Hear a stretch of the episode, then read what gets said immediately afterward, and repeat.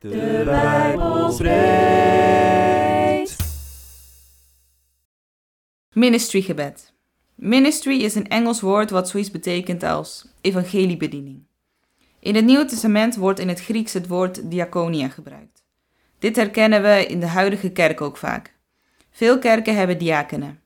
Onder andere doen zij de collecte en zorgen ze dat het geld op het juiste plek belandt. Ook bereiden ze het avondmaal voor. In het Nieuwe Testament wordt de term breder gebruikt en kan het zich toepassen op bijna alle manieren dat een christen kan dienen in de kerk en in de wereld. We lezen Handelingen, hoofdstuk 6, vers 1 tot en met 7. Toen het aantal leerlingen toenam, ontstond er op een gegeven moment ontevredenheid bij de Griekstaligen, die de Aramees sprekende verweten dat de weduwen uit hun groep bij de dagelijkse ondersteuning werden achtergesteld. Daarop riepen de twaalf apostelen de voltallige gemeenschap van leerlingen bijeen en zeiden: Het is niet goed dat wij de zorg dragen voor de gemeenschappelijke maaltijden, want daardoor verwaarlozen we de verkondiging van Gods woord. Kies daarom, broeders en zusters, uit uw midden zeven wijze mannen die goed bekend staan en vervuld zijn van de Heilige Geest. Aan hen zullen we deze taak opdragen, terwijl we ons zullen wijden aan het gebed en aan de verkondiging van het woord van God. Alle leerlingen stemden met dit voorstel in. Ze kozen Stefanus, een diepgelovig man die vervuld was van de Heilige Geest, en verder ook Philippus, Prochorus, Nicanor, Timon, Barnemas en Nicolaus, een proseliet uit Antiochië. Ze lieten deze mannen plaatsnemen voor de apostelen, die een gebed uitspraken en hun daarna de handen oplegden. Het woord van God vond steeds meer gehoor, zodat het aantal leerlingen in Jeruzalem sterk groeide. Ook een grote groep priesters aanvaarde het geloof. Eerst wat achtergrondinformatie over de algemene ministry in de zin van evangeliebediening. In dit Bijbelstuk zien we eigenlijk de geboorte van de huidige diakenen. Er wordt een onderscheid gemaakt tussen het dienen aan de tafel en het verkondigen van het evangelie. Dat betekent niet dat je altijd maar het een of het ander mag doen. Het kan heel goed dat je beide rollen vervult. Een hoofdstuk later lezen we dat Stefanus het woord verkondigt aan het Sanhedrin. Het gaat hier dus meer om een ambt, ver verantwoordelijkheid. In dit stukje zullen vooral toespitsen op het Engelse term ministry in de Nederlandse taal. In Nederland wordt de term ministry vooral gebruikt om bidden met mensen in de kracht van de Heilige Geest aan te duiden. We lezen 2 Kronieken 5 vanaf vers 11.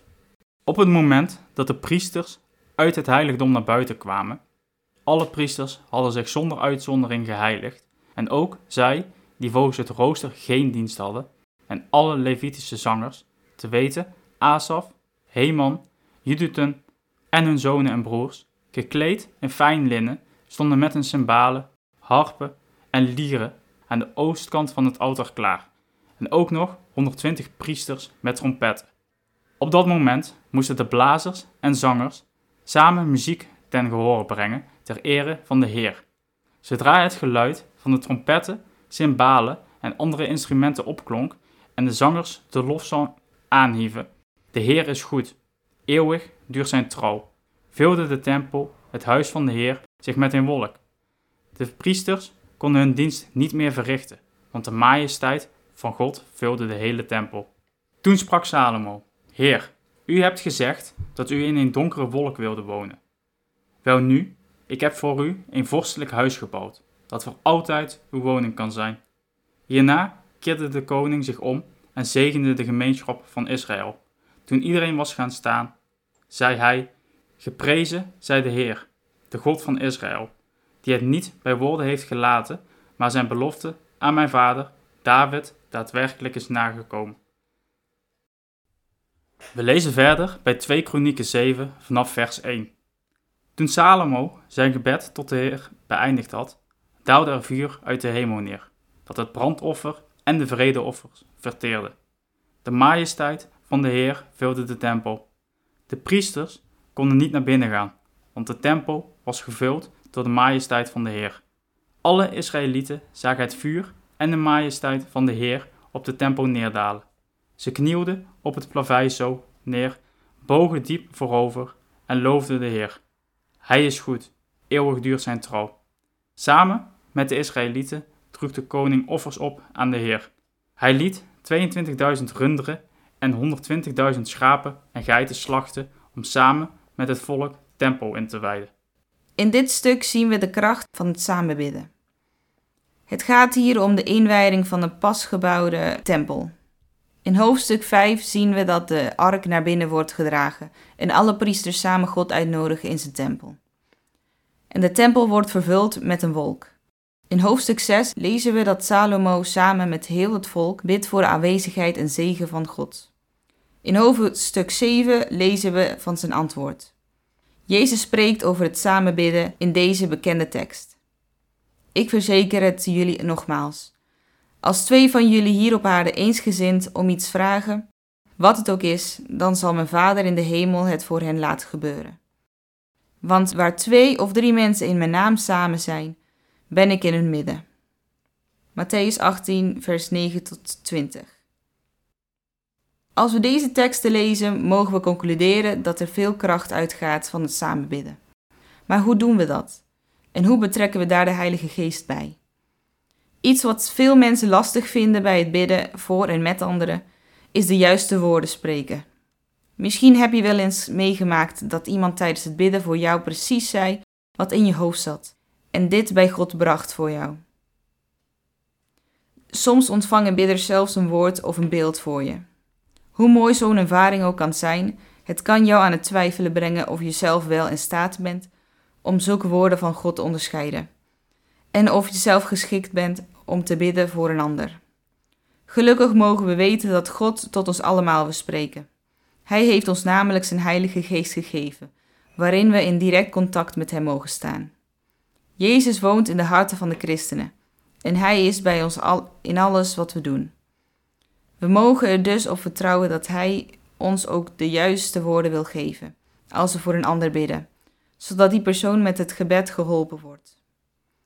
Dan rest alleen nog het onderscheiden van je eigen gedachten en de stem van God die tot je spreekt.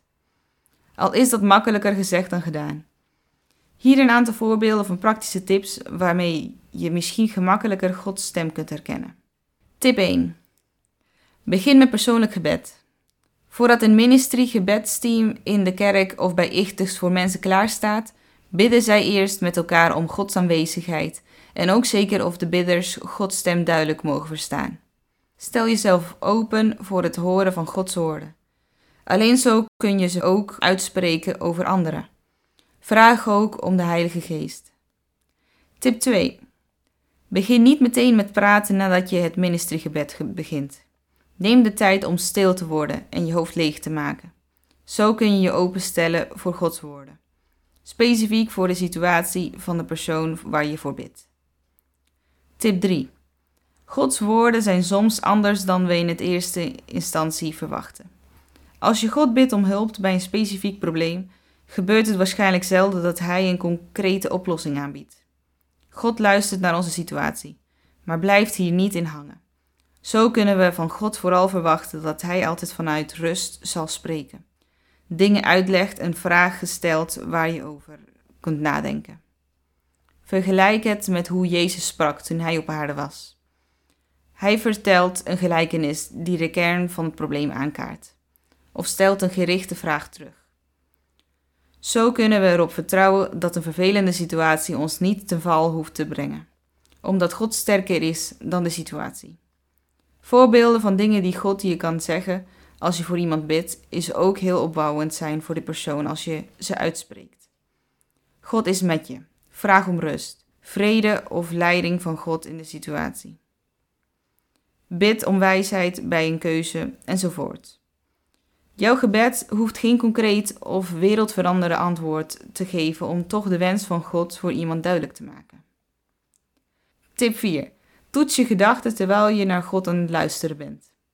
Als iets duidelijk niet in overeenstemming is met de Bijbel, dan zal het hoogwaarschijnlijk niet van God komen. Twijfel je ergens over, spreek het dan niet uit.